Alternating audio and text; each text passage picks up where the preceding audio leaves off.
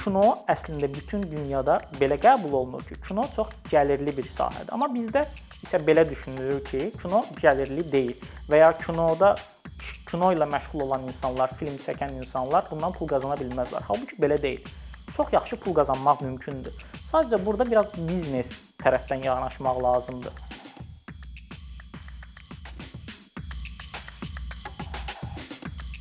Hacı salam, xoş gördük səni ikincidə. Salam Fərid, xoş gördük. Təşəkkür edirəm dəvətinə görə. Sən sağ ol gəldiyin üçün. Mən düşünürəm ki, son illərdə Azərbaycanın mədəni həyatında ən vacib hadisələrdən biri ölkədə yeni bir kinematoqrafçı nəslinin yetişməsidir və hətta çox uğurlu bir nəsil kimi görünür qıraqdan. Çünki çox məşhur festivallara qatılır bizim rejissorlar, hətta bəzi xarici festivallardan mükafatla geri dönürlər. Və bu baxımdan söhbətə burdan başlamaq istərdim ki, Azərbaycanda bu yeni kinematoqrafçılar nəsli necə formalaşdı və bu nəsil necə ortaya çıxdı? Əslində müstəqillik dövründən bu yana xüsusilə də 90-lar e, ortalarına qədər çox müasir bir e, kinomuz var idi. Ən azından müstəqillikdən ilk dövrlər, amma sonra biz gördük ki, getdikcə vəziyyət dəyişdi və müəyyən bir sükut dövrü oldu. Məncə o sükutdan sonra bu nəslin gəlməyi əslində biraz da diqqətin daha çox çəkməyə səbəb oldu. Çünki Elə bil ki, bir çöküş var və insanlar deyir ki, nəhayət ki, Azərbaycan kinosu da üzə çıxır. Burada bir neçə faktor var ki, biz bunları deməliyik. İlk növbədə mənə elə gəlir ki, bu insanların beynəlxalq arenaya çıxmağının əsas səbəbi odur ki, bu insanlar xarici dil bilirlər və xaricdə müəyyən əlaqələri var. Bu onların dünyaya çıxmağını kömək elədi və dünya kinosu da, dünya sferası da maraqlıdır. Yeni yerlər, yeni adlar üçün xüsusilə elə festivallar olur ki, birbaşa məsələn Qafqaza və ya Mərkəzi Asiyaya fokuslanır. Ona görə də onlar öz şanslarını özləri yaratdılar. Digər tərəfdən texniki tərəfdən baxsaq biz bunu görə bilərik ki, dünyada da bu trend var. Digital kameraların artımı və onların daha əlçatan olması, daha ucuz olması nəticəsində biz gördük ki, artıq istənilən insan çox rahatlıqla müəyyən keyfiyyətə qədər film çəkə bilər. Bu kimi faktorlar məncə onların yeni bir nəsil olaraq, yeni bir e, insanlar olaraq ortaya çıxmağına səbəb oldu. Və əsas məsələ və bu bütün bu ikisi ilə birlikdə əsas məsələ odur ki, bu insanlar həqiqətən də kinonu sevirlər, filmləri sevirlər və çox entuziast şəkildə davranırlar. Hətta öz şəxsi həyatlarından, hətta öz mənfəətlərindən, karyeralarından vaz keçirlər, imtina edirlər və gedib sırf məsələn kino ilə məşğul olurlar. Tutalım Hilal Baydarovundan nümunə verim ki, o ODTÜ-nü bitirmişdi, Orta Doğu Texnik Universiteti və o universiteti bitirən insanlar çox yaxşı yerlərdə gedib işləyə bilərlər, çox yaxşı karyeralar karyeralara sahib ola bilərlər, amma o məsələn onu imtina eləyərək neçə il belə adeta inzivaya çəkilərək film çəkməyə başladı və burada təkcə Hilal Baydarov yox, başqa nümunələr də var ki, onlar e, ən kiçik resursla belə müəyyən qədər yaxşı işlər görməyə çalışırlar. Məncə e, bu insanlar bu gün əgər çıxıbsa, bu gün dünyaya çıxıbsa, onların kino sevgisi burada əsas rol oynayır. Bu film çəkmək məsələsi müzakirə olunanda hər zaman maliyyələşmə məsələləri də əsas gündəm maddələrindən biri olur. Azərbaycanda da tez-tez bununla bağlı müzakirələr gedir. Bəzi rejissorlar film çəkmək üçün büdcə imkanlarının məhdud olduğunu bildirirlər. Digər tərəfdən hər il biz dövlət büdcəsindən kifayət qədər böyük sayıla biləcək məbləğlərin kino çəkilişi üçün ayrıldığını görürük. Bu baxımdan istərdim bir təsəvvür yaradasan bizdə ki, ümumiyyətlə Azərbaycanda film çəkmək üçün hansı mexanizmlər var? Yəni hal-hazırda ölkənin bu film sənayesində çəkilən filmlərin maliyyələşmə mənbələri necə fərqlənir? Burada bir neçə mənbə var, bir neçə üsul var ki, insanlar bu yollarla filmlər çəkirlər. Onlardan birincisi yəqin ki, bu hamının bildiyi kimi dövlət tərəfindən maliyyələşmədir. Sadəcə dövlət tərəfindən maliyyələşmə son illərə qədər ancaq sanki növbəli bir sistemlə işləyirdi. Bir rejissor film çəkirdi və o öz növbəsini gözləyirdi 5 il, 6 il ki, ona yenidən büdcə ayrılsın və ona pul verilsin ki, o filmini çəksin. Belə bir sistem var idi və e, amma son illərdə belə bir tendensiya var ki, müxtəlif yarışlar Nazirlik tərəfindən təşkil olunur ki, həmin o müxtəlif insanlar qatılsınlar və onlar ideyalarını ortaya qoysunlar, münsiflər onları seçsin və burdan seçilən filmlər büt maliyyələşsin. E, elə bir yarışma da oldu. Hətta amma burada da məsələn belə bir problem var ki, keçən il yarışma olub. Keçən il o yarışmada qazanan şəxslər var, amma hələ də o pulları ala bilməyiblər ki, gedib öz filmlərini çəksinlər. Təbii ki, orada ilkin olaraq verilən pul məbləği də məbləğ də böyük deyildi. Amma buna baxmayaraq nazirlik hələ də onların ödənişini etmir ki, bu insanlar film çəksinlər və ya film layihələrini inkişaf elətdirsinlər. Başqa bir tərəf isə özəl sektordur. Özəl sektorda prodüserlər var və prodüserlər, rejissorlar gedib müəyyən şirkətləri, müəyyən insanları razı salırlar ki, gəl belə bir film çəkək, kommersiya filmi çəkək və bu kommersiyadan qazandığımız pulla sənin pulunu da geri qaytaracağam, həm də özüm də müəyyən bir e, pul əldə etmiş olacağam. Bu bu kimi variantlar da var. Əksərən bu kommersiya kinosu üçün keçərlidir.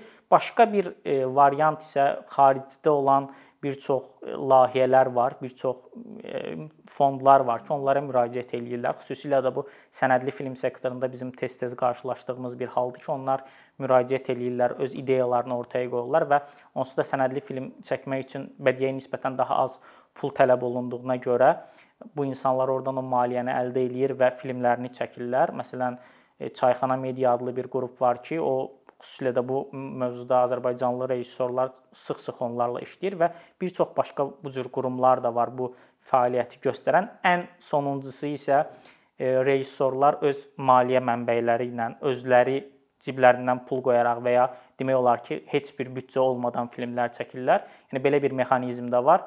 Təbii ki, könül istərdi ki, belə bir mexanizm olmasın, çünki bu insanlar öz vaxtlarını, öz resurslarını sərf eləyirlər ki, ortaya film çıxartsınlar, amma təəssüf ki, tendensiya budur. E, məncə burada mexanizmlərdən əgər söhbət gedirsə biz bunu necə inkişaf etdirə bilərik və ya necə olmalıdır? Məncə məsələn Mədəniyyət Nazirliyinin keçirdiyi yarışmalar, son illərdə olan yarışmalar çox effektiv ola bilər əgər bu ard-arda təşkil olunsa. Yəni 1 il keçirdib sonra üstündən 2 il keçib heç bir şey olmamasa və onun maliyyəsini verməsələr, əlbəttə bunun heç bir nəticəsi olmayacaq. Çünki artıq rejissorlar da o layihələrə, o yarışmalara dırnaqarası yanaşmağa başlayacaqlar. Çünki deyəcəklər ki, pul vermirlər və ya deyirlər ki, çox gecikdirirlər. Bu kimi faktlar olur.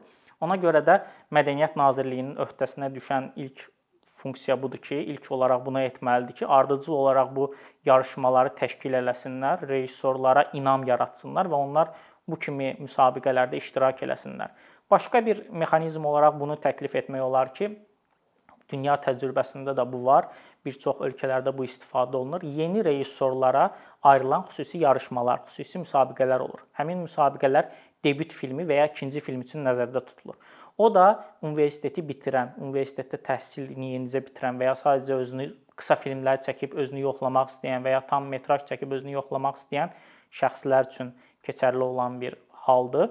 Onlar da e, məncə Mədəniyyət Nazirliyi də elə bir funksiya formalaşdırmalıdır ki, debüt filmləri də, çünki debüt filmləri əksərən çox büdcəli də olmur, həm də müəyyən qədər entuziast olurlar deyə az büdcə ilə işlər ortaya qoya bilirlər. Bu baxımdan e, bu kimi variantlar da mümkündür və mövcuddur. Sadəcə bunu dəyərləndirmək lazımdır. Ya ümumiyyətlə Azərbaycanda demək olar iqtisadiyyatın bütün sahələrində dövlətin çox ciddi rolu var. Məsələn, əmək bazarına baxsaq, ölkədə muzla, yəni maaşla işləyən adamların 52% dövlət sektorunda işləyir. Yəni hal-hazırda dövlətdən maaş alan, yəni insan rəsmi işçi sayısı özəl sektorda maaş alan işçilərdən daha çoxdur. E, bir çox beynəlxalq hesabatlarda da həmişə Azərbaycan iqtisadında dövlətin çox ciddi rolunun olması və bunun yaratdığı əlavə xərclər, effektivliyi ilə bağlı problemlər diqqət çəkir. Sən dediklərindən məndə bu təəssürat yarandı ki, bizdə də ən azı keyfiyyət məsələsini bir qırağa qoysaq, o ortadakı maliyyənin ciddi bir hissəsi dövlətdən gəlir. Bu baxımdan mən maraqlıdır ki, sən Azərbaycanda film sektorunda dövlətin rolunu necə görürsən? Məsələn, hazırda atılan hansı mexanizmləri biz dəyişdirə bilərik? Sırf burada filmlərin çəkilməsi ilə yox, ümumiyyətlə ölkədə e, film sənayesi ilə bağlı maliyyələşmə, insanların resurslarla təmin edilməsi baxımından dövlətin bazarda hansı rolu daha məhsuldar, daha yaxşı yaradıcı mühitə kömək eləyə bilər? Mən düşünürəm ki, dövlət burada öz maraqlarını qoruyur. Azərbaycanda maddiyyat dövlətdən gəlir deyə əksərən kinoda onlar öz ideologiyalarına uyğun, öz propagandalarına uyğun işlərin ortaya çıxmağını istəyir, amma mən belə düşünürəm ki, əgər burada dövlət müəyyən qədər kənara çəkilsə, sadəcə maliyyəni verib həmin maliyyənin düzgün şəkildə paylanmasına nəzarət eləsə, daha çox insana çatmasına kömək olsa, bu daha effektiv olar. Çünki burada artıq bu həmin ortada olan maliyyədən istifadə edən və ya onun onun hesabına yaşaya bilən insan sayı artacaq və bunun nəticəsində də ölkədə bu işlə professional məşğul olan insanların da sayı artacaq. Çünki mən gördüyüm budur ki, xeyli insan var ki, adamlar kinonu sadəcə əlavə bir iş olaraq görürlər. Necə? Adamlar reklam işi ilə məşğuldurlar və ya başqa işlərlə məşğuldurlar. Sadəcə öz sevgilərinə görə kino ilə məşğul olurlar. Əgər dövlət ortada olan maliyyəni onlar arasında düzgün bölüşdürə bilsə və birbaşa müdaxilə etməsə, sadəcə müəyyən liberal bir mühitə e, töhfə versə, məncə daha effektiv olar. Digər tərəfdən isə mənim dövlətdən əsas gözləntim budur ki, biz e, dövlət necəsə film e, istehsalını təşviq etməlidir. Söhbət təkcə dövlətin öz maliyyəsi ilə yox, söhbət həm də özəl şirkətlər vasitəsilə bunun təşviqindən gedir. Bunun üçün də dövlət məsələn xüsusi olaraq müəyyən vergi vergi endirimləri eləyə bilər. Müəyyən faiz faizlə olan kreditlərin faizi aşağı salınmış kreditlər verə bilər ki, bu da artıq şirkətlərin, xüsusilə də özəl şirkətlərin film istehsalına marağının artıb çıxarmağına gətirib çıxarda bilər. Nəticə etibarilə görə bilərik ki, artıq özəl sektorda çox rahatlıqla film sənayesinə qoşula bilərlər. Çünki tutalım, əgər müəyyən güzəştlər olsa, özəl şirkətlər bunu düşünəcək ki, aha, mən burada buna qatılsam, ən azından mənim müəyyən vergi güzəştim olacaq və bundan əlavə həmçinin burada bir ehtimal da var ki, mən burdan pul qazana bilərəm. Bu da istehsal tərəfindəyə. Bir də distribusiya tərəfi var. Mən düşünürəm ki, dövlət bunu özü etməsə də distribusiya tərəfində də bazarın böyüməsi üçün, bazarın genişlənməsi üçün kinoteatrların sayının artmasını təşviq etməlidir. Bunun üçün xüsusi subsidiyalar ayrıla bilər ki, müəyyən şirkətlər gəlib kinoteatrlar tiksinlər. Kinoteatrlar e, daha çox olsun. Bu isə özlüyündə e, kino sənayesinin böyüməyinə gətirib çıxardacaq. Təbii ki, dövlətin öz maraqları var və məsələn Azərbaycan filmə, Salnamə filmə və başqa bu kimi qurumlara e, pul ayırır ki, onlar filmlər çəksinlər, onların rəhbər şəxsləri çünki e, özdən yuxarı vəzifədə olan şəxslər qarşısında məsuldurlar. Onlar da davam edə bilər. Çünki mən düşünmürəm ki, dövlət birdən-birə desin ki, mən daha bu andan etibarən heç bir şəkildə film sənayesinə müdaxilə olmayacağam. Çünki dövlətin öz burada marağı var. Amma istər-istəməz e, müəyyən mənada geriyə yol atmalı və daha çox insana çatmağa kömək eləməlidir. Digər bunun bir televiziya tərəfi də var ki, biz tutalım görürük ki, son dövrlərdə ictimai televiziya, məsələn, onlar da dövlət tərəfindən maliyyələşirlər. Onlar istər özləri düşünürlər ki, Azərbaycanda yerli serial sektorunun inkişafı üçün seriallar çəkilsin, hətta ictimai televiziya filmlərdə də işləyirlər, filmlərə də büdcələr ayrılırlar. Bunlar əslində çox yaxşı hallardır, amma bu daha intensiv olmalıdır və daha hamıya əl çatan olmalıdır. Mən belə düşünürəm. Dövlət sektoru ilə yanaşı özəl sektorda, yəni kino sənayesinin inkişafı üçün çox vacibdir. Sən bayaq qeyd elədin ki, bəzi hallarda xüsusilə kommersiya filmləri ilə bağlı film çəkmək istəyən insanlar özəl şirkətlərdən maliyyə tapa bilirlər ki, bu filmlər də yəqin ki, əksər hallarda komediya və yaxud sevgi janrında olan filmlərdir. Bəs maraqlıdır. Biz son illər həm də görürük ki, beynəlxalq festivallarda və yerli kinoteatrlarda kifayət qədər maraqla qarşılanan daha ciddi məzmunlu festivallar üçün nəzərdə tutulmuş filmlər var.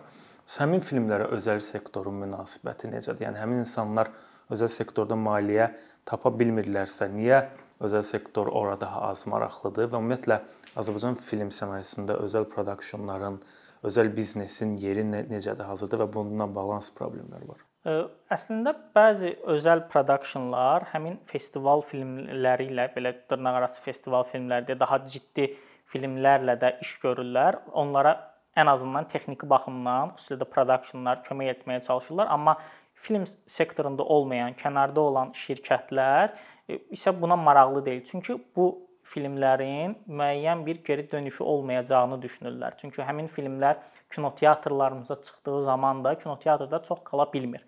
Ən uzağı 2 həftə qalır. Halbuki biz E, komediya filmlərinə nəzər salsaq bunu görərik ki, onlar 4 həftə, 5 həftə, 6 həftə qalırlar. Yəni burada onların qalma səbəbi onların hələ də kinoteatrlarda çox maraqla izlənməyidir. İnsanların diqqətini cəlb eləyirlər. Amma e, həmin dövlət e, bu kimi festival filmlərində, bu cür art house filmlərdə bu vəziyyət yoxdur. Burada özəl şirkətlər barəsində mən bunu düşünürəm. Düşünmürəm ki, gələcəkdə bu vəziyyət çox da dəyişsin. Əslində bu beynəlxalq olaraq da demək olar belədir. Çünki e, nə edirlər burada? Dövlət özü bilərəkdən həmin filmləri daha çox maliyyələşdirir. Tutalım burada Türkiyə nümunəsini götürə bilərik. Türkiyədə biz hər hansısa bir e, kommersiya filminin dövlət tərəfindən maliyyələşdiyini görə bilmərik. Çünki dövlət bunda maraqlı deyil. Dövlət deyir ki, kinoteatr var, sən çək, kinoteatra göstər və oradan pul qazan. Dövlət isə bunun qarşılığında nə edir? Onda hər bir biletdən, hər bir e, izləyən tamaşaçıdan müəyyən vergi tutur. Həmin vergidən qazandığı pulu isə sonra yenidən bu incəsənət filmlərinə yatırım eləyir. Çünki dövlət düşünür ki, tam bu cür dövlətlər düşünür ki, bu mənim öz mədəniyyətimin, öz dünyamın təbliğidir və daha sonra həmin mən ondan e, beynəlxalq bir nüfuz qazana bilərəm və bundan faydalana bilərəm. Ona görə də mən ən azından yaxın perspektivdə düşünmürəm ki, e, Azərbaycanda xüsusilə də festivallarda daha daha ciddi, daha ağırlıqlı olan filmlər daha çox diqqət çəkəcək. Əlbəttə, məsələn, elə ola bilər ki, tutalım hansısa bir filmimiz Cannes Film Festivalında mükafat qazandı və böyük bir ajiotaja səbəb oldu. Dünyada da böyük bir ajiotaja səbəb oldu. Əlbəttə o Azərbaycana gəlsə, Azərbaycanda da izlənəcək. Çünki tamaşaçı maraqlı gələcək ki, bu film nədir ki, belə tutalım, e, nə bilim Tom Cruise-un oynadığı film də var o festivalda, bizim film də var və bizim filmə mükafat veriblər. Bu filmdə nə var deyə. Əlbəttə bu cür də düşünə bilərlər. Amma yaxın perspektivdə düşünmürəm. Sadəcə e, özəl şirkətləri kommersiyaya daha çox təşviq edib, oradan gələn, kommersiyadan gələn pulu dövlət öz yenidən özü düzgün şəkildə bölsə, iki tərəfdə qazanclı çıxmış olar məncə. Yəni sən də qeyd elədin, doğrudan da son illərdə bizdə tez-tez kommersiya filmləri ilə bağlı belə çoxlu xəbərlər çıxır və bəziləri kifayət qədər Azərbaycan üçün kifayət qədər ciddi rəqəmlərdə izlənmə saylar olur. Baxma mənim maraqlıdır ki, ölkədə bu tip kommersiya xarakterli filmlərin çəkilməsi yekunda həm izləyicilərin film zövqünün inkişafı baxımından, həm o texniki heyətin inkişaf baxımından ümumiyyətlə film sənayesinə hər hansı bir töhfə verə bilər. Yəni kommersiya filmləri uğur qazanırsa, bunun digər sahələr, ümumiyyətlə bu sektora faydaları var, yoxsa bu sadəcə pul qazanmaqdan başqa cəmiyyətə və sektora bir xeyir verə bilmir? Əslində bu prodüserlərdən və rejissorlardan asılı olan bir situasiyadır. Əgər rejissorlar, prodüserlər hər dəfə tamaşaçıya daha yaxşı iş göstərmək bir niyyətləri varsa, kinonu daha yaxşı irəliyə aparmaq istəyirlərsə, bu ümumilikdə sektorun faydasınadır. Çünki çünki həmin filmlərdə işləyən şəxslər müəyyən təcrübə qazanırlar, müəyyən qazanc əldə edirlər və daha sonra başqa işlərdə, kommersiya olmayan işlərdə də həmin təcrübədən istifadə edə bilirlər. Buna görə də mən düşünürəm ki, amma məsələn bizdə belə bir nümunə də oldu ki, Bizdə 2010-ların ortasında uzun müddətdən sonra müəyyən filmlər, komediya filmləri çıxdı ekranlara və insanlar tərəfindən diqqətlə qarşılandı. İnsanlar çünki ac idi buna, bu cür məhsullara ac idi və onlar gedib izlədilər. Amma daha sonra həmin işbazlar e, öz ortaya qoyduqları işin keyfiyyətini artırmadılar. Bunun nəticəsində də tamaşaçılar həmin filmlərdən bezdi, həmin filmləri izləməməyə başladı, hətta həmin filmləri getməməyə başladı. Yəni bir növ insan resursunun öz əlimizdədir ki, biz özümüz əgər məsuliyyətli yanaşsaq, bu dəqiqələ nümunələr var ki, çox rahatlıqla, məsələn, Emil Quliyev demək olar ki, insanın ilk çəkdiyi filmdən son çəkdiyi film arasında keyfiyyət olaraq, görüntü keyfiyyəti, texniki keyfiyyət olaraq yerlə göy qədər fərq var. Bu əslində inkişaf deməkdir və bu başqa rejissorlara da aiddir və hətta bu YouTube üzərindən kontent yaradanlara da aiddir ki, onlar da artıq müəyyən reklamlar əldə etdikcə, müəyyən şirkətlərlə işlədikcə onlarda da öz məhsullarında keyfiyyət var. Amma yox, bu insanlar düşünsə ki, mən heç bir keyfiyyət artımı eləməyim və sadəcə pul qazanım, əlbəttə bu çöküşə məhkumdur. Çünki sən tamaşaçıya bir dəfə eyni məhsulu verə bilərsən, ikinci dəfə, üçüncü dəfə artıq o qəbul etməyəcək. Burada hər şey öz əlimizdədir. Kino sənayesinin ən vacib həlqələrindən biri də kinoteatrlardır. Çünki ə, filmlərin izləyicinin qarşısına çıxdığı əsas platformalardan biri buradır və bu maliyyə məsələsinin də ən ciddi həll edildiyi məkanlardan biri budur. Bu baxımdan səncə Azərbaycanda kinoteatrlar, bu şəbəkələr ölkənin film sənayesinin inkişafına töhfə verə bilirmi, yetərlidirmi və yaxud deyilsə hansı problemlər var və bunları aradan qaldırmaq üçün nələr edə bilərik? Azərbaycanda kinoteatrlar yetərli deyil. Çünki Azərbaycanda kinoteatr sayı azdır, ekran sayı azdır, zal sayı azdır və həmin olan kinoteatrlarda əsasən şəhərin mərkəzində yerləşir. Bu isə özlüyündə kinoteatrlara çıxışın yalnızca kiçik bir insan qrupuna xitab etdiyini bildirir. Yəni əslində isə Bakıda xeyli insan var, rayonlarda yaşayan insanlar var. Onlara filmlər çata bilmir və ya filmlərin izlənmə sayları, daha doğrusu bilet qiymətləri çox baha olur.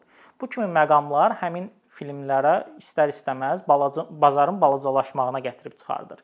Və bazarın böyüməsi üçün daha çox insanın cəlb edilməsi və daha çox bilet satılması üçün istər-istəməz kinoteatrların sayı artmalıdır. Məsələn, mən belə bir nümunə verim ki, Azərbaycanda olan e, kinoteatr sayı 15 ya 16-dır.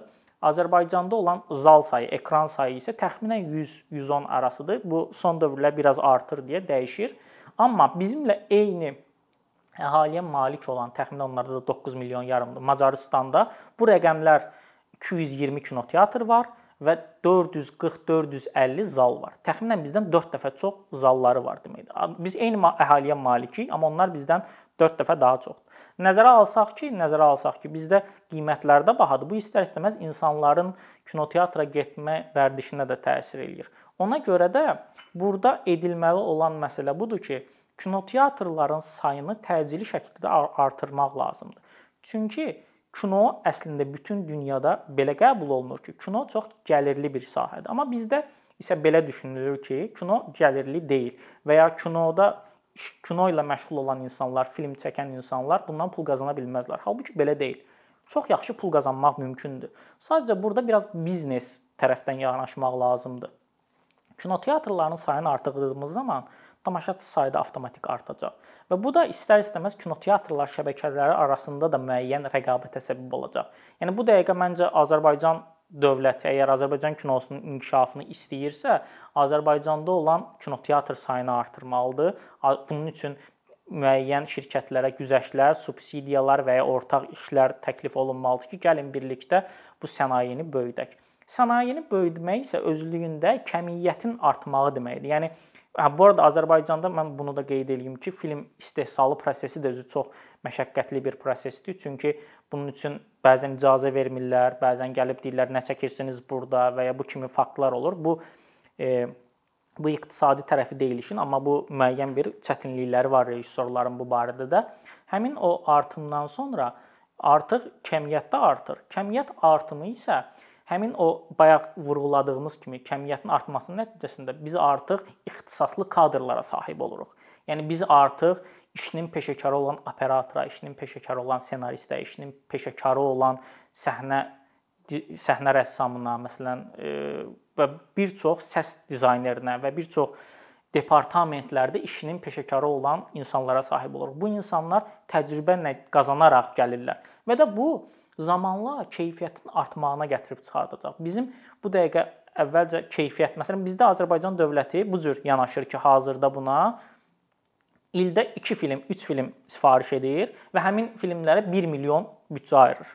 Və bu 1 milyon büdcə ilə tutalım 3 film çəkilir, 3 milyon. Bu isə Azərbaycan ümumi ayrılan büdcəsi 6.5 milyondur. Bu elə yarısı deməkdir yarısı artıq getdi. Bu isə ixtisaslı kadr sayının çox az olmağı deməkdir. Amma bunu daha 200, 200, 200 min bölüb tutalım 3 milyon verib 15 filmdə çəkdirmək olar. Bu isə ölkədə olan film sayının artımına gətirib çıxardacaq.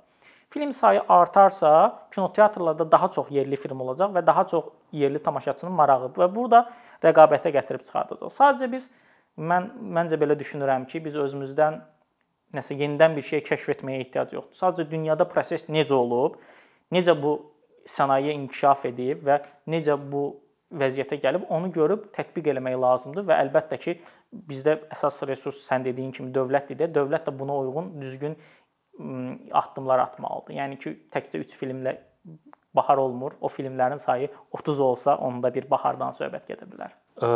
Mən də razıyam ki, kino teatrların sayının artması sektora ciddi xeyir verə bilər.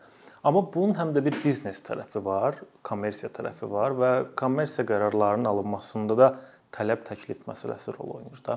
Biz hal-hazırda ölkənin digər bölgələrində və yaxud Bakının digər ərazilərində yeni kinoteatrlar açsaq və bunu özəl sektor həyata keçirsə, bunun geri dönüşü olacaqmı? Yəni buna bir tələb varmı ki, ölkənin regionlarında, Bakının mərkəzdən kənar ərazilərində bu tip kinoteatrlar açsın. Çünki belə düşünək, həm də bunun bir xərci də var. Filmə getmək sosial-iqtisadi vəziyyəti aşağı olan böyük bir kəsim üçün lüksdür həm də. Yəni biz bu kinoteatrları bu gün ölkənin regionlarında və Bakının ətraf ərazilərində açsaq, həmin o kinoteatra gələn tamaşaçını da tapa biləcəyikmi? Çox gözəl sualdır. Məncə tapa bilərik. Bunu nə ilə ölçə bilərik və ya əlimdə hər hansısa bir data yoxdur, amma mən bunu YouTube üzərindən ölçə bilirəm. Mən YouTube-da məşhur olan şəxslərin yeni filmləri yayımlandığı zaman onların baxışlarına baxıram və görürəm ki, onlar 2 həftədə 700 min izlənir və ya 1 milyon izlənir. 1 ay içində 1 milyon, 1.5 milyon izlənir. Bu o deməkdir ki, həqiqətən də onu izləmək istəyən tamaşaçı var və xeyli insanda var ki, yazır ki, məsələn, rayonda yoxdur, mən izləyə bilmirəm. Bizim tərəfdə yoxdur, mən Bakıda yaşamıram, ona görə izləyə bilmirəm. Hə, ola bilər ki, bu barədə haqlısan ki, Bakıda bir filmin qiyməti tutalım, yerli filmlər adətən 10 manat, 9 manat qiymətində olur. Bu Bakı ətrafı üçün və rayonlar üçün həqiqətən də yüksək bir qiymət. Amma orada da müəyyən qiymət siyasəti ola bilər ki, qiymətlər aşağı endirilməlidir. Tutalım belə bir nümunə oldu ki, e, Talih Yüzbəyov öz filmini çəkdi və onlar e, gedib rayonlarda göstərdilər, rayonlarda o mədəniyyət evlərində və biletin birini 5 manatdan filan satdılar. Səhv xatırlamıramsa, e, Orxan Mərdan həmin filmin prodüseri dedi ki, biz bu göstərimlərdən 15 min manata yaxın qazanc əldə elədik. Bu əslində çox böyük bir rəqəmdir. Yəni özlüyündə o deməkdir ki, burada artıq 3000-ə yaxın insan gedib izləyib. Mən düşünmürəm ki, 9-10 e, manat olsa izləyəcəklər, amma həqiqətən də 5 manat kimi uyğun bir məbləğ olsa və nəzərə alsaq ki, inflyasiya var və hər şeyin qiyməti çox qalxır, insanlar artıq orada bir alternativ olmağa başlayacaq. Adicə mən şəhərin mərkəzində bu dəqiqə biz hər hansısa bir yerdə, hər hansısa bir yerdə 2 saat, 3 saat vaxt sərf etmək istəsək, bir kofe, bir çay içmək istəsək, inan ki, film biletindən daha baha olur bu. Halbuki sən 2 saat, 3 saat gedib çox rahatlıqla orada vaxtını keçirə bilərsən və çox münasib qiymətə. Hətta amma söhbət Bakı mərkəzindən gedir də. Yəni o rayonda da eyni situasiyanı yarada bilsək və rayonda da tamaşaçıları cəlb eləyə bilsək, inanıram ki, e, biz oradan da gəlir əldə edə bilərik. Bakı ətrafına gələndə isə hə, Bakı ətrafında da o problem var, amma e, məncə elə Bakı ətrafı üçün də dediklərim keçərlidir. Çünki heç də hamının e, hər gün kinoteatra məsələn Bakıya gəlməyə və ya həftədə bir dəfə Bakıya gəlmək kimi bir lüksü yoxdur. Çünki bu özlüyündə tam ailə ilə gəlirsənsə çox bahalı bir prosesdir. Çünki sən film izləməyə gəlirsənsə bir yemək də yeməlisən və bir amma daha çatımlı olsa adam evindən çıxıb gedib film izləyib sonra yenidən evinə qayıda bilsə, bu məncə onların davranışlarına da təsir eləyəcək. Əslində bu nümunələr Sovet dövründə var idi. Orda kənd sovetlərində və müxtəlif yerlərdə belə kiçik kinoteatrlar var idi ki, insanlar kənd cəmiyyəti həqiqətən də maraqla izləyirdi. Bu bir növ vərdişdir. Yəni kino izləmək, kinoteatrda kino izləmək vərdişdir. Həmin vərdişi yaradandan sonra mən inanıram ki, insanlar daim ondan istifadə eləyəcəklər. Maraqlı müzakirə üçün çox sağ olasınız. Minnətdaram dəvətiniz üçün də. Minnətdaram.